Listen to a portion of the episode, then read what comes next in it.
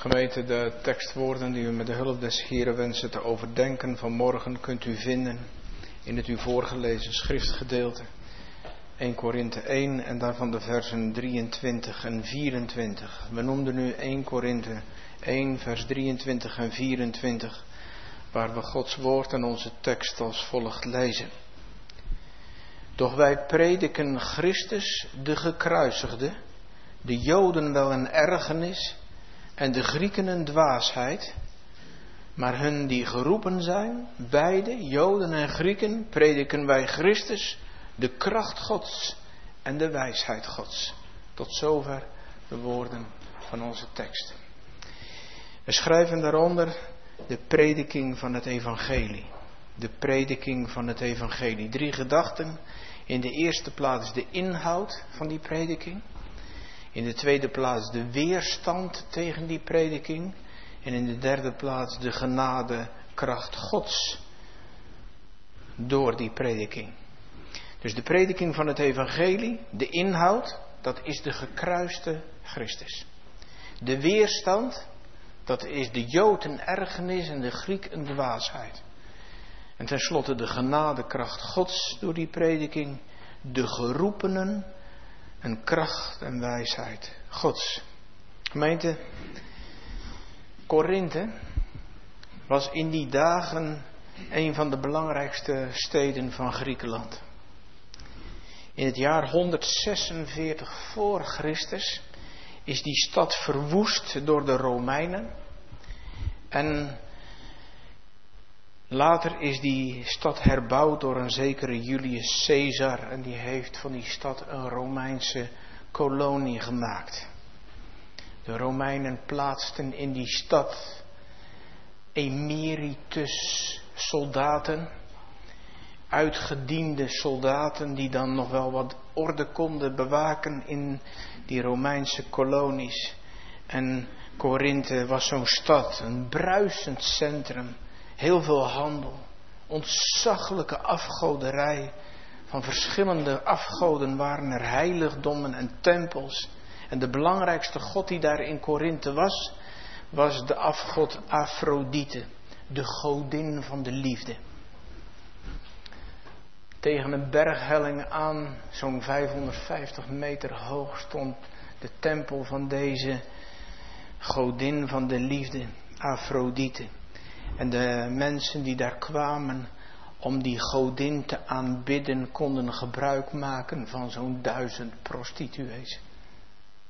Soms denken wij wel eens dat onze tijd verworden is en gelijk is aan de tijd van Sodom en Gomorra, maar die tijden zijn er vaker geweest. Dan komt gemeente omdat u en ik zijn zoals we zijn. En de mens van nature is zoals die is. Alle eeuwen door. Er is van de mens niets goeds te verwachten.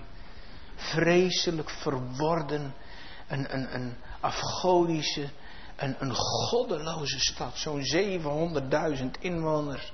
En twee derde van die inwoners was slaaf, verdorven, corrupt, normloos. En te midden van die normloze, verworden, vreselijke stad heeft het God, heeft het Christus behaagd een gemeente te stichten. En daar heeft de Heere de apostel Paulus voor willen gebruiken. Mensen die af gaan zien van al dat wereldse, van al dat vuile, van al dat corrupte. En in zo'n omgeving de Heere gaan zoeken, de Heere gaan dienen. Een onbegrijpelijk wonder eigenlijk. En toch, het gaf in die gemeente ook veel spanning. Ze werden niet alleen verleid tot de zonde, zoals dat vandaag voor onze kinderen, onze jongeren en ouderen ook het geval is. Maar er was ook veel aanvechting. Er was ook te midden van het godsdienstige veel wat hen zocht te verleiden.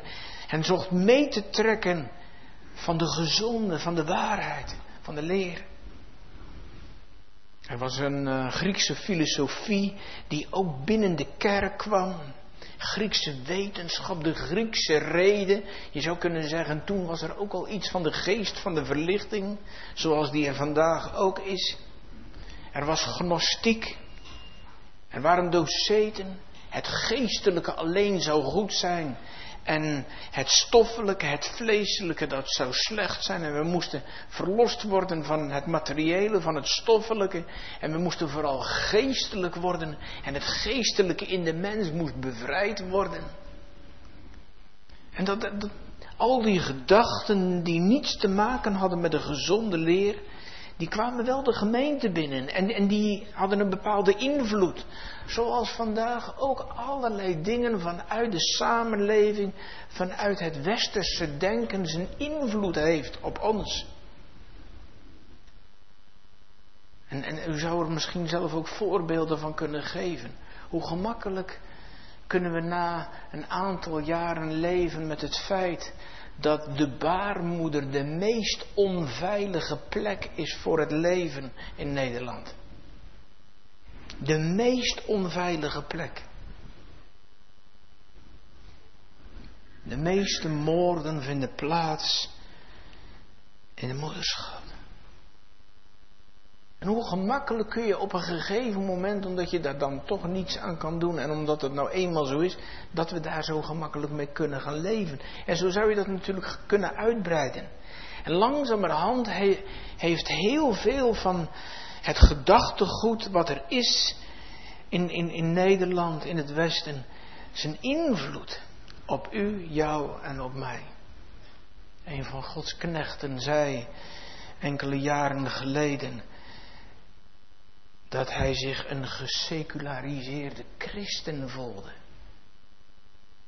Zo vanaf de kansel verkondigen dat die ene naam, die, die grootste rijkdom die een mens kan vinden op aarde. En dan vervolgens zo materialistisch. Zo bezig met het hier en nu. En dan komen er ook allerlei strijdpunten nog in de gemeente. Moet, moet u zich voorstellen, zo'n grote stad, zo verdorven, zo corrupt, zo. En noem het allemaal maar op. En dan gaat dat kleine groepje, wat de Heer heeft leren vrezen, niet gaan strijden, omdat de ene van Apollos is en de andere van Cephas en weer een ander van Paulus. Ontzaglijk. Wat een dwaasheid. En er is niets nieuws onder de zon, want alle eeuwen door blijft de mens dat doen. En u en jij en ik. Als de Heer het niet verhoedt, dan zijn we daar ook mee bezig. En Paulus maakt te midden van alles wat er speelt in die gemeente duidelijk dat Gods wijsheid ver boven onze wijsheid staat. Onze wijsheid is ten diepste dwaasheid. En alles wat we beredeneren en wat we bedenken, onze visie, onze mening, onze inzichten, onze traditie, onze gewoontes, is dat nu allemaal wel echt naar de heilige wil van God? Dienen wij heel veel gewoontes, tradities en meningen en visies, of zijn we nu echt gericht om de Heer te dienen? Paulus maakt duidelijk dat Gods wijsheid staat ver boven onze wijsheid.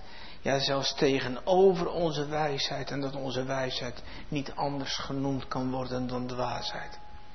En wat is het nodig om dat te verstaan? En we verstaan het alleen maar als we door Gods geest geleid worden. Als die geest zijn intrek neemt in onze harten en ons gaat leiden en ons gaat leren, gaat onderwijzen dan gaan we onze eigen wijsheid als dwaasheid leren kennen. Apostel Paulus zegt, God leert de mens niet door Griekse reden, maar door de dwaasheid der prediking. gemeente, soms wordt het in één zin genoemd, ik ben zelf ook geneigd om dat te doen, dat de prediking, de dwaasheid der prediking is met allerlei gebrek vervuld nou, dat laatste, dat is zeker zo. Want er is geen preek volmaakt. En ook preken die zijn eh, besmet met zonde. En, en, en, en er staat ook een zondig mens dat te doen. Dus zeer gebrekkig met heel veel tekort. Maar de dwaasheid der prediking betekent dat het heil ligt in Jezus Christus, de gekruisigde. Dat is de dwaasheid der prediking. Dus dan gaat het niet over het gebrekvolle van mensen. Nee, dat is de Joden ergernis en de Grieken dwaasheid.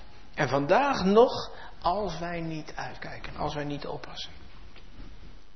Daar gaat het vanmorgen over. De inhoud van de prediking, dat is de gekruiste Christus, onze eerste gedachte. Gods woord leert ons wet en evangelie, zonde en genade, dood en leven. En dat is wat de natuurlijke mens ergert. Nou, je mag het wel even noemen, maar vertel ons vooral blijde dingen en hoopvolle dingen en bemoedigende dingen. Verkondig ons vriendelijkheid en, en genade en liefde en blijdschap. En daar zitten heel veel kerken vol van. Maar dat is niet naar het woord. Het woord leert ons wet en evangelie. Zonder wet is er helemaal geen evangelie. Zonde en genade. Zonder zonde is er geen genade. Dood en leven. En als de boodschap van de dood vanwege de zonde niet klinkt, dan, dan, dan hoeven we het ook niet te hebben over het leven. De natuurlijke mens die ergert zich eraan. Want die wil niet ontdekt zijn. Zoals in het natuurlijke, een jongen of een meisje, ja, nu, heb ik, nu weet ik het wel, pap, mam. Uh, en, nu, uh, want altijd de nadruk op wat ik niet goed doe en zo, en altijd dat gezeur. Zoals een jongen thuis kan komen van school. En, en, en, vader zegt, ja, je hebt twee, drie op je rapport, jongen. Ja, maar ik heb toch ook nog allemaal voldoende. Dus al die andere cijfers zijn voldoende. Dus ja, maar vanwege die twee, drieën ga je, blijf je zitten. Ga je niet over. Er moet wat met die twee, drieën gebeuren. De rest is goed.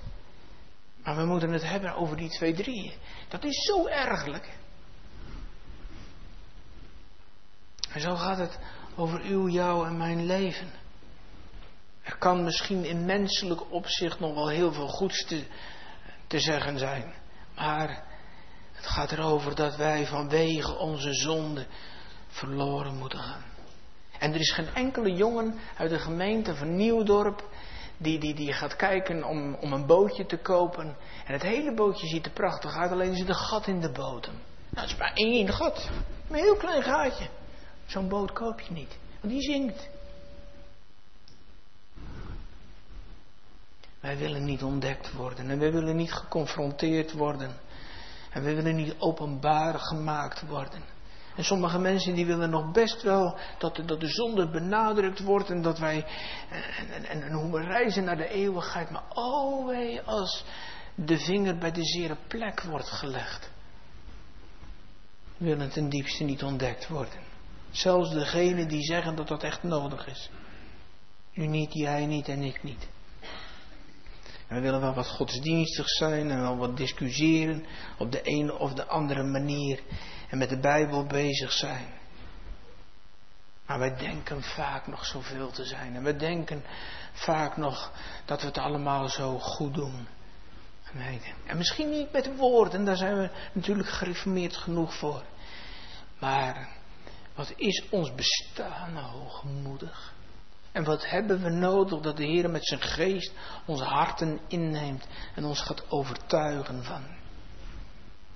In veel kringen in de en veel bewegingen mag het best gaan over Jezus. Een Jezus die helpt en een Jezus die altijd voor je klaar staat en die altijd bereid is om je, om, om je tegemoet te komen, om je te helpen, om voor je te zorgen. Of als zedenleraar of als normendokter. Prima. Maar niet de gekruiste. Waarom niet die gekruiste? Die gekruiste gemeente die openbaart Gods recht. Die gekruiste die openbaart Gods toorn over de zonde. Die gekruiste die openbaart dat God van zijn recht geen afstand doet. Dat God de zonde nooit ongestraft zal laten. En daarom wordt het zo nadrukkelijk erbij gezegd: Jezus Christus en dien gekruist. Niet een Jezus die altijd vriendelijk en altijd aardig is en die je altijd door de tijd haalt. Nee, een Jezus die gekomen is in deze wereld om zondaren, om goddelozen en om vijanden met God te verzoenen. Dat is de kern van het evangelie, de dwaasheid der prediking. En daarom moet de ernst van de zonde benoemd worden. En de Heer geven dat u, jij en ik ook elke keer opnieuw, dat we bij die prediking, dat de Heer onze ogen opent en dat we het zien. Dat we dag en dag bezig zijn met onszelf te zoeken. Met gericht te zijn op het hier en nu. En dat dat zonde is bij God. Zonden en misdaden. Allemaal daden die hun doel missen wanneer wij God niet bedoelen. En ons, boven alles en onze naasten als onszelf. God geeft dit evangelie. Gemeente. Van dood en leven, wet en evangelie, zonde en genade. Opdat wij behouden zouden worden. Dat is het doel van de verkondiging van het evangelie. Geen lust in de dood van de goddeloze, maar daarin dat hij zich bekeren zou en leven. En daartoe heeft God zelfs een weg geopend. Hij gaf in de stilte van de eeuwigheid, besloot hij toen hij geen weg vond op de aarde, toen vond hij een weg en een middel in de hemel, zijn eigen zoon. En hij heeft zijn eigen zoon ervoor over gehad om die te geven in deze wereld, dat, opdat verloren zondaren zalig zouden worden. De gekruisigde, die de weg zou gaan van kribben naar kruis, om alles te doen, om goddelozen, om vijanden, om zondaren met God te verzoenen. De gekruisigde, om de welverdiende straf te kunnen ontgaan en tot genade te komen. Nou gemeente, genade 100%. Als je dat dan hoort, dan zullen er wel veel komen. En er zullen er wel veel zijn die dat evangelie aan zullen nemen. Helaas, gemeente. Die gekruisigde, die bepaalt ons bij wie we zijn en bij, wie, bij wat wij verdienen. En de mens is een vijand van Gods recht. En de mens is altijd bezig. En jongelui, jongens en meisjes, jullie weten dat al. Als je geconfronteerd wordt met ongehoorzaamheid of je boosheid, of, dan ben je altijd geneigd om excuses te verzinnen. Toch? Dat is de mens. En dat doen niet alleen kinderen, die doen dat onbevangen. Maar dat doen ook ouderen. Altijd geneigd om excuses te verzinnen. En uitwegen. En, en, en onze zonden en, en, en tekortkomingen te relativeren. Dat is ons bestaan. Maar die gekruisigde, die bepaalt ons bij Gods recht. Die gekruisigde, die bepaalt ons dat, hoe serieus God de zonde neemt. En dat als Hij niet in onze plaats, dan zullen wij zo moeten lijden en sterven en voor eeuwig verloren gaan. Wij zijn vijanden van Gods recht en we zijn ook vijanden van genade. Want genade preekt onze totale onmacht en onze schuld. Gemeente, bent u er al bij bepaald? Bent u er al van overtuigd dat dat zo is? heb u er al leren buigen. Heer, het is zo. Zoals u mij beschrijft, zoals u de mens beschrijft in uw woord, dat ben ik. Voeten die snel zijn om bloed te vergieten, slangen venijn tussen onze lippen, kelen als geopende graven, allen onnut geworden, allen verdoemelijk voor God. Geen mens rechtvaardig. Of is het overdreven? Ja, dan zou u dat tegen de Heer moeten zeggen. Moet u zeggen, de Heer, er is toch zoveel goeds nog op deze wereld. En er zijn toch nog zoveel mensen die elkaar lief hebben, die voor elkaar zorgen en die... Zou het zo zijn, gemeente? Leest u de krant? Hoort u het nieuws met alles wat er in deze wereld gebeurt? Onder de vloek, onder de toren van God vanwege onze zonde en vanwege onze ongerechtigheid. En te midden heeft God zijn eigen zoon aan het kruis gebracht. En dat kruis verkondigt ons dat er genade is, overvloedig voor de grootste van de zondaren. Is dat al een wonder voor u geworden, gemeente? Is dat al een wonder voor jou geworden? Maar er is weerstand tegen die boodschap, Jezus Christus en dien gekruisigd. Het is de Joden ergernis en de Grieken dwaasheid. Onze tweede gedachte. De mens weigert te buigen voor de Heer. De mens weigert zich te schamen. De mens weigert in te stemmen met de welverdiende straf. Altijd uitvluchten zoeken.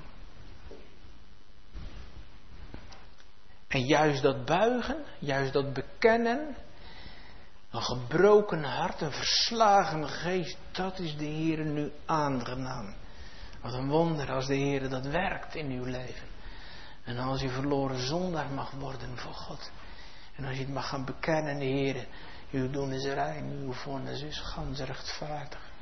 Gebroken van hart, verslagen van geest, buigend voor de Heer. Maar de mens weigert dat van nature, gemeente. En, en als u de juiste theologische visie of mening hebt, dan bent u nog niet op die plek. Wij moeten door Gods geest op die plaats gebracht worden. De mens wil daar vanuit zichzelf niet zijn. En daarom de natuurlijke mens, de Jood in u en in mij, ergert zich aan die gekruiste. Wie is dan die Jood? En waarom ergert hij zich daar dan aan? De Jood, gemeente, man of vrouw, is eerwaardig. Is, maakt deel uit van het verkoren volk op deze aarde. Door God verkoren. Om zijn verbond en woorden te mogen horen. Zeer godsdienstig. Gul. Royaal. Heeft de brede zoom natuurlijk in zijn kleed. Waar duidelijk uit wordt dat hij de wet van Mozes wil onderhouden. Gods wet wil onderhouden.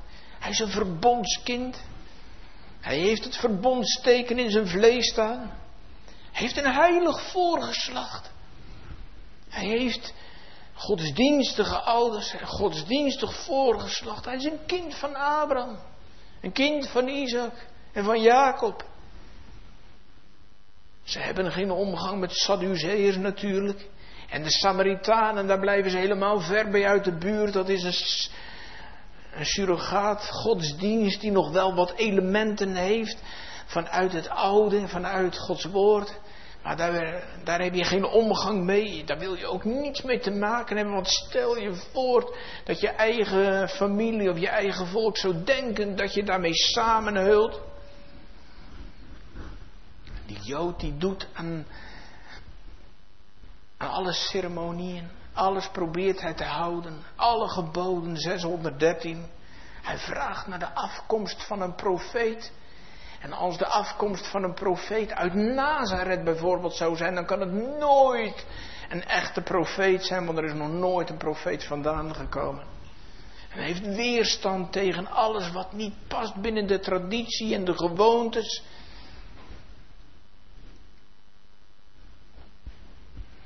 Hij wil wel een Messias. Hij bidt ook elke dag om, opdat de Messias mag komen. Dat doen ze tot op de dag van vandaag. En als u ooit een keer foto's hebt gezien van biddende Joden bij de klaagmuur, of misschien bent u er wel eens geweest. Het is hun verlangen dat de Messias komt die Israël verlossen zal. De Jood. Nee, daar kun je echt wel je respect voor hebben. En misschien dat dat ook nog wel op de een of andere manier in uw, jouw hart leeft. Als je de Joden bezig ziet, die orthodoxe Joden, met al hun godsdienst, dat we daar toch wel iets mee hebben. In u, in jou en in mij zit ook die Jood. Getrouw naar de kerk, rechtzinnig, offervaardig. Liefde voor de traditie waar we staan. Liefde tot de theologische opvattingen zoals we die al jaren hebben. Afkeer van andersdenkenden. Liefde tot de waarheid. Liefde tot Gods volk. Je kan, u kunt misschien ook wel dogma's verklaren, ook wel breed bespreken. Amen. Is uw, jou, is mijn hart nu alles geraakt? Zijn we nu alles verloren zondaar voor God geworden? Dat is nu waar die Jood zich aan ergert. Die wil geen verloren zonde. Met alles wat hij doet, dan is hij toch wat. Dat doe je toch niet voor niets. Als je nu keurig getrouw je plichten vervult en je offert en je bent betrokken, dan doe je toch alles wat je kan. De Jood, hij ergert zich bij de prediking van Jezus.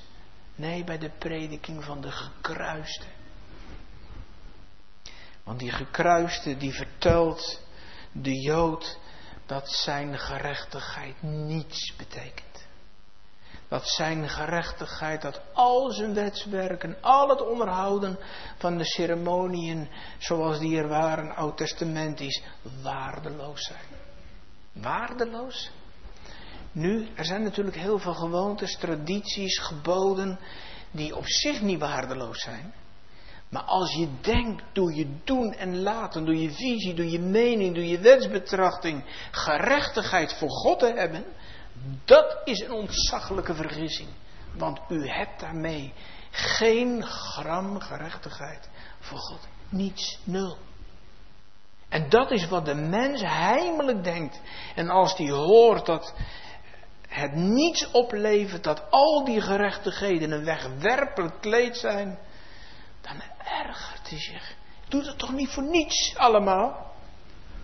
Ik ben toch niet voor niets elke zondag naar de kerk en altijd bidden en altijd. En ik ontzeg me toch niet voor niets allerlei plezier in deze wereld.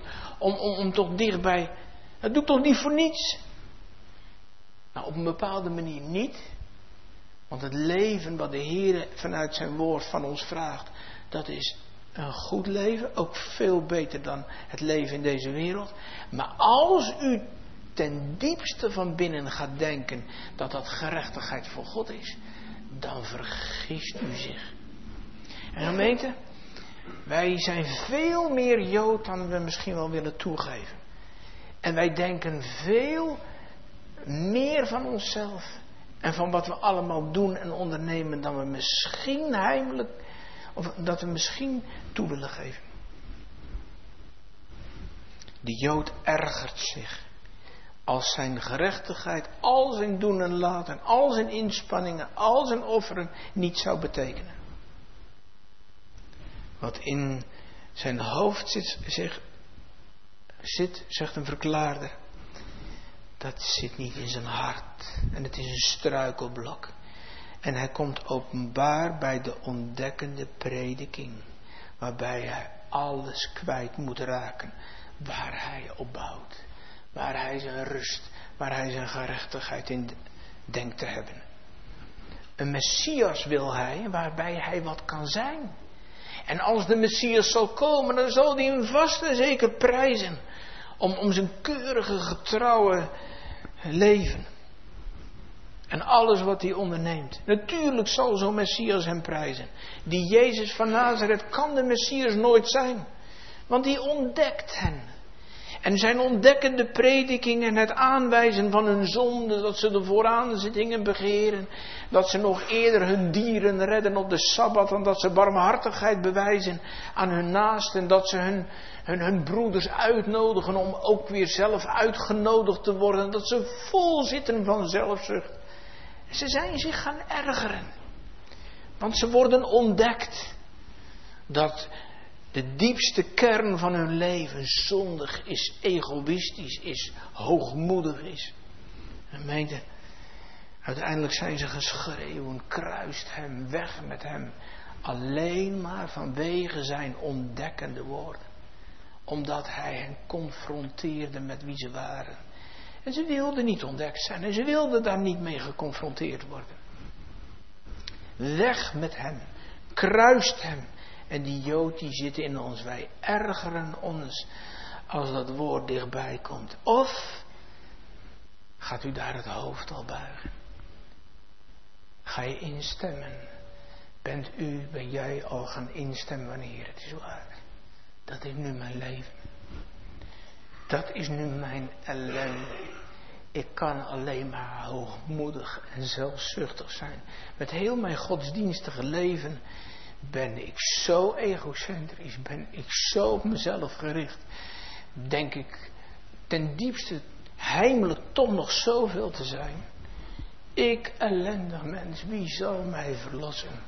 Is er nog een weg, Heer? Is het nog mogelijk, Heer, om zalig te worden?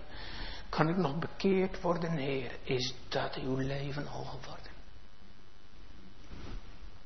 Die Jood in ons, die moet ontdekt worden en die moet in ons gaan sterven. De Griek, die was heel anders dan de Jood. De Griek die was afkerig van allerlei vormen en tradities en gewoonten. Maar die Griek die had een ander uh, item in zijn leven. Hij had geen brede zomen aan zijn kleed en hij hield die wetten ook niet helemaal, maar hij hield van de menselijke reden. Van menselijke wijsheid, zoals we daarover gelezen hebben. Dat leefde ook in die gemeente van Korinthe. Dat, dat discussiëren en dat breed allerlei zaken bespreken met elkaar. Welsprekendheid en degene die het het best kon verwoorden, dat was in die tijd dat, dan had iemand aanzien als je de gave van het woord had, welsprekend, spitsvondigheden, doordachte wijsheid, diepe dingen kon zeggen. Daar kon de Griek zich uren mee vermaken. Zo kon hij ook heel veel tijd bezig zijn met het woord van God. Had er diepe gedachten over. Redeneren, zijn mening verdedigen. Hij studeerde in het woord. Ja, mag dat dan niet? Dat moet zelfs ook. Het ligt soms zo dicht bij elkaar. Die Jood die getrouw zijn leven inrichtte naar het woord en naar de wil en naar de wet van God. Prima. Alleen bouw niet op datgene wat je allemaal doet, want het is een wegwerpelijk kleed. Die, dat is geen gerechtigheid, die redt van de dood. En alles wat die, die Griek deed, in al zijn studeren, in al die wijsheid. Mag je dan niet zo bezig zijn met het woord zeker? Maar je moet komen op die plaats waarbij al je wijsheid dwaasheid wordt. En waarbij je afhankelijk wordt van Gods geest om nu te verstaan de dingen die des geestes God zijn. Die gekruiste, die was voor de Grieken dwaasheid. Want om op dat geheel, dat gebeuren op Golgotha. Daar kon die Griek met, met, met, al zijn reden, met al zijn redeneren geen grip op krijgen. Hij kon dat niet gaan begrijpen. Hij, hij kon dat niet grijpen. Hij kon dat niet klein krijgen. Het was voor hem een dwaasheid. En daarbij afhankelijk te zijn van Gods geest. En jezelf niet te kunnen bedienen van je verstand en van je menselijke wijsheid. Daar had hij een afkeer van. Dat is vandaag nog zo. De geest van de verlichting staat zo hoog met zichzelf en met wat hij denkt en wat hij vindt en, en, en zijn redeneren. En dan moet je geloven, dan moet je aannemen, dan moet je alsof de mens daar macht toe heeft om het op zichzelf toe te passen. En dan afhankelijk te zijn van Gods geest. Dat is zo ergerlijk voor een hoogmoedig mens. Die gekruisigde is de Griek een dwaasheid. En die Griek vandaag, gemeente, in u, in jou, in mij. Het heilgeheim van het evangelie. Dat het alleen maar verstaan kan worden door Gods geest. Ergerlijk. Als je je van je verstand niet kan bedienen. De geest van de verlichting. Ik vind, ik denk. Dat is er in, in, in, in de breedte van ons kerkverband, maar ook in, in ons vaderland, in godsdienstig Nederland. Daar komen we vaak tegen. Ik vind, ik denk. En je hoort het soms ook onder ouderen en jongeren, vandaag ook onder ons. Ja, ik denk daar anders over. En ik vind, ja, maar het gaat er niet om wat je vindt en wat je denkt. Je verstand kan nooit de norm zijn waar je uit, uit vertrekt. En de tegenbeweging van de verlichting is de geest van de romantiek. En ook dat vinden wij vandaag onder ons. Die zijn niet zo zakelijk, ik vind, ik denk. Wij hebben ook gevoel, zo zegt die tegenbeweging, de geest van de romantiek. Wij zijn mensen van vlees en bloed, niet al dat zakelijke, dat rechtlijnige, dat redeneren. Nee, ons gevoel. Nou, dat zien we ook. We horen onder ons nogal eens, ik vind, ik denk daar anders over en ik, ik. Of je hoort soms jongeren en die gaan naar een ander kerkverband. Want dat voelt beter, dat past beter bij mij. Eh, je gevoel kan toch niet de norm zijn. En wat bij mij past. En als het nu gaat over de mens in zijn natuurstaat. Natuurlijk, als je dan in kerkelijke bewegingen komt, waar veel blijdschap is en gezongen wordt en muziek is naar je zin en, en, en, en zelfs een stukje entertaining. Natuurlijk past dat beter bij je natuurstaat en bij je, bij, bij je zondige begeerten. Dat snap ik wel. En daarom moet niet uw gevoel en uw verstand de norm zijn, maar het woord. Gemeente, bedenk dat jongelui, met wie je ook in aanraking komt, ook, ook als je studeren mag of waar dan ook, bedenk dat niet ik vind, ik denk, ik bepaal zelf. En niet ik voel, of dat past beter bij mij, of iets dergelijks. Het gaat erom wat de Heer door middel van zijn woord zegt. En dan komt er ergernis bij de Jood. En dan komt er ergernis bij de Griek. Het heilgeheim van het evangelie is de Joden ergernis en de Grieken dwaasheid. Want de geestelijke dingen worden alleen onderscheiden door geestelijke mensen. De geest van God moet uw hart, jouw hart innemen. Om te verstaan wat de Heer tot ons te zeggen heeft. En misschien zeg je dan ja, dan kan ik er dus niks aan doen. Maar dat zegt de Heer niet. De Heer zegt, je moet bidden om die geest. Je moet vragen of de Heer die geest wil geven. Je moet op je knieën gaan in afhankelijkheid van de Heer. Dat valt niet mee om als mens afhankelijk te zijn, omdat je het zelf niet kan. Maar de Heer wil het geven. Hij zegt in die gelijkenis, in een gelijkenis, hoeveel te meer zal de hemelse Vader zijn geest geven, degene die hem daarom bidden. Als een aardse vader zijn kind, als het om een ei vraagt, geen schorpioenen geeft. Als het om een brood vraagt, geen steen geeft. Hoeveel te meer zal, zullen, zal God, terwijl mensen nog allerlei zonden kunnen doen, ook in de opvoeding van kinderen. Maar hoeveel te meer zal de hemelse Vader zijn geest geven, degenen die hem daarom bidden. De Heer geven dat u daar mee op de knieën mag komen en afhankelijk mag zijn van de Heer.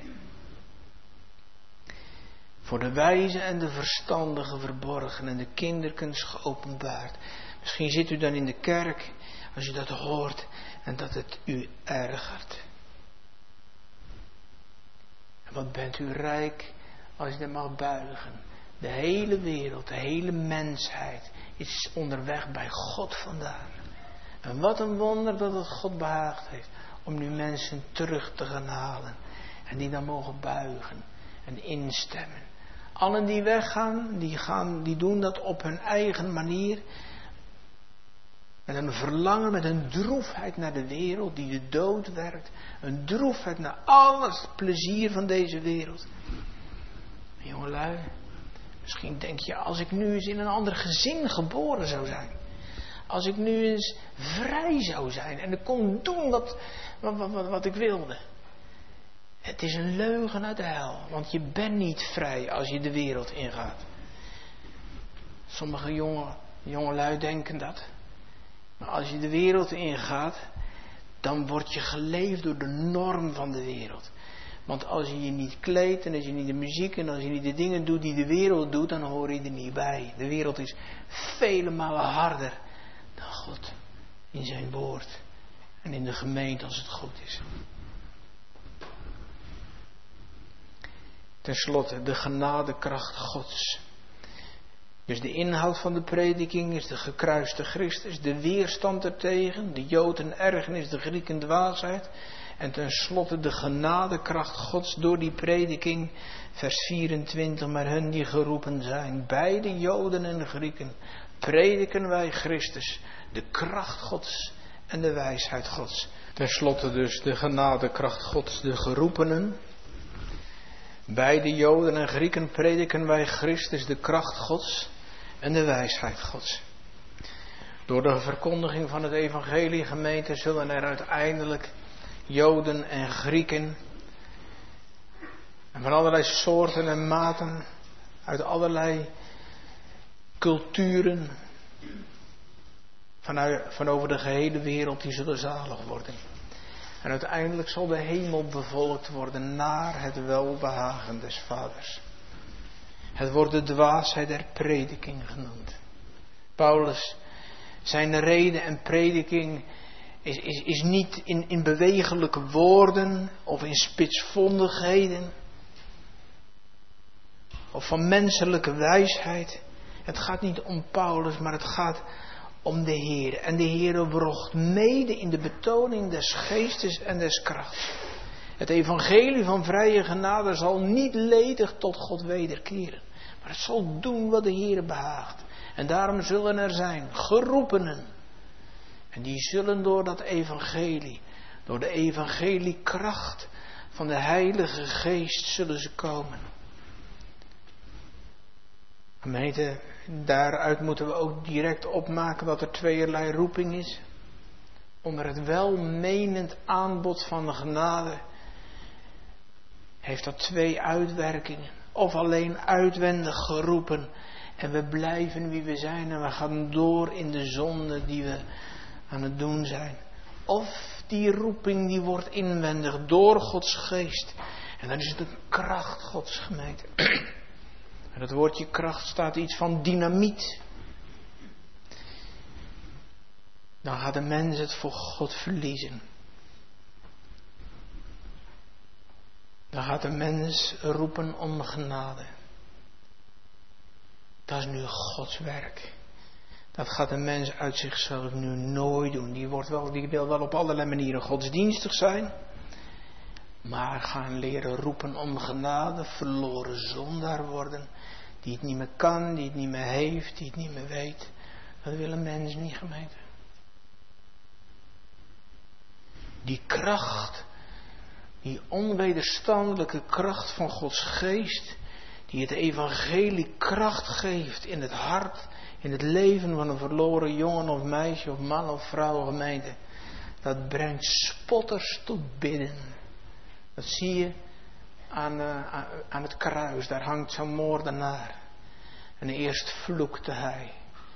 En dan gaat de Heilige Geest zijn hart binnen. En dan maakt hij zonde tot zonde, schuld tot schuld. En dan roept hij het uit. Wij toch rechtvaardiglijk. Wij ontvangen deze straf naar wat we gedaan hebben. Wat een onbegrijpelijk wonder gebeurt daar gemeente. En wat een wonder als dat uw jouw deel mag zijn. Wat een wonder als je zo op de knieën komt. Voor God, niet voor mensen en om wat te zijn of om ten opzichte van de mensen ook voldoende godsdienstig. Dat, doe, dat doen we allemaal niet mee, gemeente. Verloren zondaar word je niet voor mensen, word je voor God. Het zou een wonder zijn als deze morgen voor u en voor jou tot bekering zou mogen leiden. En dat je het gaat zien dat je met de wereld en met alles wat er in de wereld is voor eeuwig verloren gaat. Maar dat er nu een boodschap is van genade, van verzoening, van vergeving in de gekruiste Christus. Dat God nu een weg geopend heeft voor de grootste, voor de vuilste van de zondaar. En dat zelfs een moordenaar aan het kruis in de laatste uren van zijn leven tot bekering kan komen. Die kracht Gods door Gods geest. Dat brengt spotters tot bidden. Dat brengt godlogenaars tot beleiden. Manasse aan het einde van zijn goddeloze leven. Dat brengt huppelende jongens en meisjes op weg naar het verderf tot stilstand. Dat brengt hen op de knieën, roepend, o God, is er voor mij ook nog genade? Kan ik nog zalig worden, Heer? Is het nog mogelijk om tot bekering te komen? Dat is met de kracht Gods. Dan wordt de menselijke roep van de kansel wordt innerlijk gevoeld en innerlijk verstaan. En dan ben je niet meer bezig met wat er allemaal verkeerd gaat in de kerk. Dan ben je er niet meer bezig met wat, er, wat er anderen allemaal moeten doen. En met, met wat je vindt over deze en gene. En wat je vindt over van alles. Nee, dan is er maar één zaak, heren. Ik moet eenmaal voor u verschijnen. Het is niet mogelijk. Ik moet verloren gaan. Vanwege mijn zonde, vanwege mijn schuld kan ik nog. Is er nog een weg voor mij, Heer? Is er nog een middel voor mij, Heer? Kan ik zoals ik ben nog zalig worden? Dat moet plaatsvinden. En dat doet de Heer door de bediening van het woord. En daarom kom dan naar de kerk. Jongelui, ouderen, misschien zit u, of misschien zit jij hier in de kerk, of misschien thuis mee te luisteren. En dat je denkt van ja, ik weet het allemaal niet hoor, ik weet of ik dit allemaal blijf doen. Ik, ik, ik, ik krijg er steeds meer weerstand tegen wat mij betreft. Kom, blijf luisteren, blijf komen, blijf je handen vouwen. Soms tegen je eigen wil in. Heer, als u er dan bent, wil u me dat dan laten ervaren? Mag ik dat dan geloven omdat u dat geloof geeft in mijn hart en in mijn leven? Dat doet de Heer nog. Wat een wonder als dat woord dan verder gaat dan je oren. En dat het in je hart komt. En dat dat woord van God waar wordt. Dat dat woordje wakker schudt uit je doodslaap van zonden en in misdaden. Ja, dat, en dat is een onbegrijpelijk wonder. En de jongens en meisjes kennen de geschiedenis waarschijnlijk wel van, de, van die jongeling te na in die uit het dorpje na in gedragen wordt om in het dal begraven te worden. En dan komt de Heer Jezus en dan houdt hij die stoet tegen. En dan, en dan uh, gaat hij naar die baar en dan zegt hij, jongeling, sta op. En dat kan niet. Dat is onmogelijk. Want die jongeling die hoort niets meer, hij is dood. Hij is overleden. Hij hoort niet meer, hij ziet niets meer, hij ademt niet meer. Het is voorbij. En zo ben je nu van nature, u, jij en ik. En toch zullen doden horen de stem van de Zoon van God. En die die stem gehoord zullen hebben, die zullen leven. En daarom moet je naar de kerk toe komen. En daarom moet je je plaats innemen thuis als je nog niet allemaal samen mag kunt komen in de kerk om dat woord te horen en de Heer geven dat dat woord naar binnen gaat. En dat je opgewekt wordt uit je doodstaat, levend gemaakt wordt. En dat je je zonde, je verlorenheid, je ellende leert kennen. En dat je gaat roepen om genade. Dat doet de Heer nog. Bij Joden, bij Grieken prediken wij Christus, de kracht Gods en de wijsheid Gods. Dat verloren zondaren zalig kunnen worden. En daarom mag die boodschap vanmorgen nog klinken. Een geroepene, die kan soms nog wel een bepaalde periode tegenstaan. Dan voel je in je hart dat dat anders moet worden. Dan voel je in je hart, ik, moet, ik, ik kan zo niet door blijven leven. En dan toch daar maar overheen leven. Soms zie je zelfs een jongere die dan nog meer muziek en nog meer zijn afleiding zoekt met zijn mobiel en, en, en er maar probeert overheen te leven. Wat een wonder als je als jongere of als oudere op een gegeven moment je verzet op moet geven. En het voor de Heer verliezen mag. En uit mag roepen, wanneer, als het dan zo is, wil u me dan dat geven wat ik nodig heb? Wil u me dan mijn hart innemen? Mag ik dan iets daarvan zien, zodat ik overtuigd word van het heil, van de genade die daarin is? En wat een wonder als je als gaat bidden en, en, en, en je stem mag hoger komen dan het plafond en je mag ervaren, hij hoort mijn stem, mijn smekingen, mijn klagen. Die God die wil nog met mij te maken hebben, die wil mijn stem nog horen. Wat een wonder. O diepten des rijkdoms, beide der wijsheid en der kennis Gods. Hoe ondoorzoekelijk zijn uw oordelen, delen, onnaspeurlijk uw wegen. Dat heil dat is in mensen hart niet opgeklommen. Amen. De gedachten van vrede. In dat beginnende leven kan het al zo'n wonder zijn. Dat God nog met zo in te maken wil hebben. Wat een wonder als je dat mag ervaren, mag, mag beleven. Iets van Gods genade, iets van Gods liefde, iets van de blijken van zijn gunst en van zijn genade.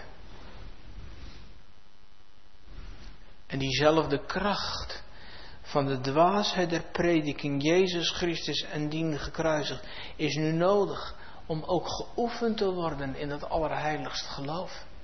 Dat is nu nodig om verder geleid te worden, onderwezen te worden. Dat dat woord zijn kracht gaat doen. En dat je in, in, in zorg en in nood het mag ervaren dat de Heer tot je spreekt. Dat je eens in de kerk komt, misschien is het wel eens gebeurd dat je in de kerk komt en dat je zegt van ja, ik weet het allemaal niet meer. Ik heb even gedacht dat de Heer mijn hart raakt en dat de Heer er voor me zorgt en dat hij mijn stem hoorde. Maar ik weet het niet meer. Ik, ik ervaar er niets meer van. En, en misschien heb ik wel bepaalde zonden helemaal voor niets opgeruimd in mijn leven. Dat ik afscheid heb genomen van bepaalde muziek of sport of spel, wat dan ook. Maar misschien heb ik het wel allemaal voor niets gedaan. En dat het allemaal uh, hallucinatie is geweest. Wat een wonder. Als de Heer dan zijn wet voor laat lezen. En er klinkt, ik ben de Heer uw God. Die u uit het diensthuis uitgeleid hebt.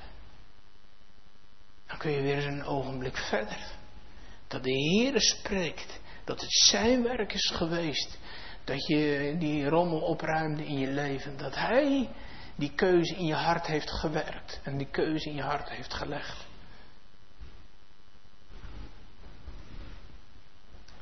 Dat doet de Heer nog gemeente. En elke keer is het weer de kracht Gods. Naar die dwaasheid der prediking. Dat werk van Gods geest in het hart van een verloren zondaar. En dan om verder geleid te worden. En steeds meer in te moeten leven. Dat je met alles wat je opruimt in je leven niet heilig wordt voor God. En ook niet rechtvaardig wordt voor God. En dat het eigenlijk steeds verder afloopt.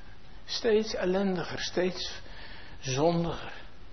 En, en dat je met alles wat je probeert en al de pogingen die je doet om recht te worden voor de Heer, steeds vuiler, steeds zondiger, steeds ellendiger.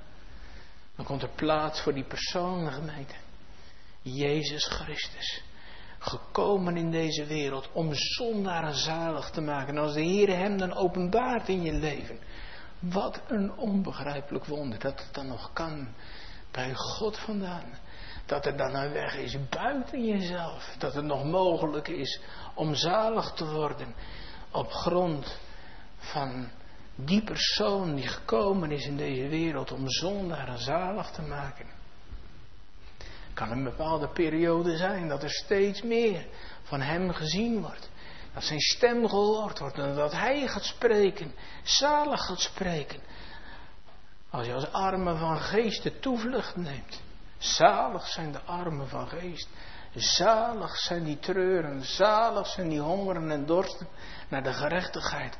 Wat wordt hij als profeet en leraar tot gerechtigheid dan, dan in zijn profetische bediening van belang, gemeente. Woorden van eeuwig leven. Dat verbindt hen. Zulken die laten hun plaats nooit meer leeg in de kerk. Voor zulken is het ook een verdriet dat ze hun plaats in deze coronatijd niet in kunnen nemen in de kerk. Alhoewel de Heer soms ook thuis een zegen kan bereiden. Wat een wonder. Zo verbonden aan dat woord. En soms dan veroordeelt dat hen zo nadrukkelijk. En dan moeten ze zo buigen en instemmen met welverdiende oordelen. En als de Heer dan zou vragen, zou je dan ook niet heen willen gaan? Dan zeg je, ja, tot wie, Heer? Gij hebt de woorden van eeuwig leven. Tot wie zullen wij heen gaan? Want uw woord, of schoon ik alles mis, kan door zijn smaak en hart en zinnen strelen. Wat een wonder als de Heer Met dat leven, dat verbonden aan zijn woord, dat hij dat op een bepaald ogenblik ook wegneemt. We hebben nog niet zo lang geleden in uw midden nagedacht over het snoeien, over het reinigen van de landman, van de wijnstok, van de ranken. Dan knipt hij en dan snijdt hij in het leven, opdat ze meer vruchten voort zullen brengen. En wat een wonder als dan de schuld zo open komt te liggen en zo open staat, dat je het met bemoedigingen, vertroostingen, met een tekst, met een versje niet meer kunt doen. Dat het om gerechtigheid gaat. Die honger en die dorst naar de gerechtigheid, niet naar een gerechtigheid, niet naar alles wat wij doen en wat wij ondernemen. Nee, de gerechtigheid die redt van de dood. Jezus Christus, gekomen in deze wereld om zichzelf te offeren op het altaar van Gods recht. Om daar aan het vloekhout van het kruis dat te doen wat u, wat jij, wat Gods kind nooit meer kan doen. Betalen. Betaal me wat gij schuldig zijt en niet te kunnen. Wat een wonder dat God zijn eigen zoon gaf. En dat de zoon gewillig was om daar onder de wet te komen. En om onder de wet de dood in te gaan, te sterven. Om hen die van onder, onder de wet liggen, onder de vloek liggen, daarvan onder te verlossen. En tot de zaligheid te brengen. Door recht te verlossen. En op grond van zijn verdiensten zal het eenmaal klinken, gemeente. En wat een wonder als de Heer dat hier geeft. Ik zal u zekerlijk weldadigheid doen. Om mijn zoon, om Jezus wil. Vrijgesproken te worden van schuld en van straf. Op grond van zijn verdiensten. Op grond van zijn volkomen middelaarsarbeid. Op grond van zijn volkomen betaling. Gemeente, zo wordt Gods kind door recht verlost. En door recht alleen. En gemeente, de dwaasheid der prediking, Jezus Christus en dien gekruisigd, wordt zo'n onbegrijpelijk wonder voor verloren zondaren, die hem mochten leren kennen als de betaling voor hun schuld, die zijn leven gaf, die zijn bloed stortte tot een volkomen verzoening. Zulken gaan in, gemeente. God kan op hen nooit meer tonen kan op hen nooit meer schelden. Ziet in hen geen zonde en geen ongerechtigheid meer. Zulke mogen ingaan in die eeuwige vreugde. En als daar nu eens iets van ervaren mag worden, een hart vervuld met heilbespiegelingen, om het lied van die ene koning te mogen zingen, en de vermoeidheid over de zonde die elke dag meer wordt, hen drukt, dan kan er wel eens een verlangen zijn om ontbonden te zijn. Want dat is verre, verre, verre weg het beste. Om met Christus te mogen zijn. De bron van zaligheid. Gemeente, hierin is de liefde Gods jegens ons geopenbaard. Dat God zijn zoon gezonden heeft in de wereld. Opdat wij zouden leven door hem. De Heer geven dat dat uw, jouw leven mag zijn. Jongelui, dat is een veel beter leven dan alles van deze wereld. Dat is zo leeg. Dat is zo arm. Dat is ongeveer hetzelfde als dat je zout water drinkt. Dan drink je en dan moet je nog meer, nog meer, nog meer en je, en je, krijgt steeds meer dorst en uiteindelijk sterf je eraan. Dat is de zonde en dat is de wereld. Dat is waar je verdorven hart naar uitgaat. Maar het leven met de Heer, dat is echt leven. Nu en tot in alle eeuwigheid. Amen.